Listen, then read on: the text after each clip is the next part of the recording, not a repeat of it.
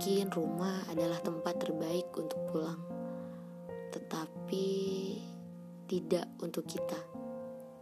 Ya, walaupun rumah kalian patah, walaupun rumah kalian tidak seperti rumah yang lainnya, tetapi percayalah, kalian tidak sendiri.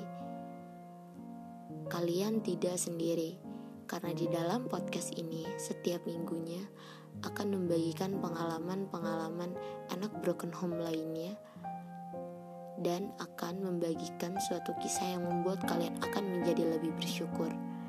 Maka dari itu, jangan merasa sendiri dan terus bersyukur. Jangan lupa untuk bersyukur.